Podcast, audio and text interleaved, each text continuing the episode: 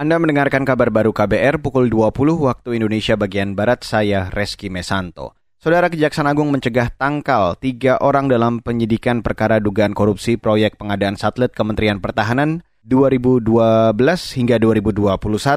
Mengutip antara news.com, Direktur Penyidikan Jaksa Agung Muda Tindak Pidana Khusus atau Dirdik Jampitsus Agung Supardi hari ini mengatakan, tiga orang tersebut berasal dari swasta, yakni dua dari PT Dini Nusa Kusuma atau DNK, SW selaku Direktur Utama dan AW Presiden Direktur PT DNK. Seorang lagi dari luar negeri bernama Thomas van der Heyden. Pencekalan dilakukan karena ketiganya merupakan saksi penting. Sebelumnya, Menko Poluka Mahfud MD menyebut negara dirugikan ratusan miliar rupiah akibat kontrak proyek satelit di Kementerian Pertahanan yang melanggar hukum. Mahfud meminta Kejaksaan Agung segera menyidik dan menemukan penanggung jawabnya. Beralih ke berita selanjutnya, Saudara. Kepala Kepolisian Indonesia atau Kapolri, Listio Sigit Prabowo menginstruksikan seluruh personel Polri harus netral ketika menangani masalah konflik sosial di tengah masyarakat. Perintah ini disampaikan Kapolri Listio saat memberi pengarahan kepada seluruh jajarannya di Mabes Polri hari ini. Kata dia, sikap netral tersebut sesuai tugas pokok dan fungsi Polri, yakni melindungi, mengayomi, serta melayani masyarakat. Selain itu, mampu menjadi pemecah masalah yang terjadi di lapangan. Mengutip antara news.com, Kapolri juga memerintahkan setiap jajaran Polri mematuhi, mempelajari pedoman, aturan, dan standar operasional prosedur atau SOP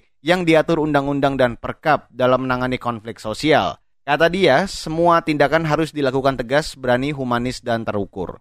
Saudara, ribuan produsen tahu dan tempe yang tergabung dalam Pusat Koperasi Produsen Tempe Tahu Indonesia atau Puskop di DKI Jakarta bakal mogok produksi dan berjualan pada 21 hingga 23 Februari 2022.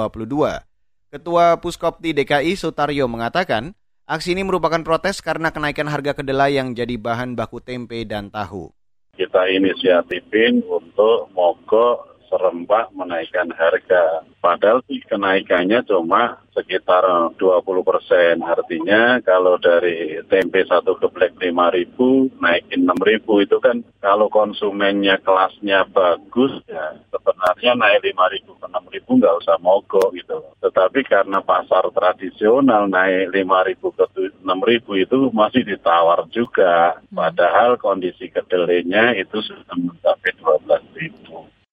Sutario menjelaskan sejak akhir 2020 harga kedelai naik dari 7.000 per kilogram menjadi 9.000 pada awal 2021. Semenjak itu harga terus naik hingga menjadi 10 ribuan pada akhir tahun, kemudian saat ini menjadi 11.300. Sutario meminta pemerintah membuat solusi jangka pendek dan jangka panjang agar pengrajin tempe dan tahu tidak terpuruk akibat tingginya harga bahan baku kacang kedelai ini. Dan saudara, demikian kabar baru saya Reski Mesanto.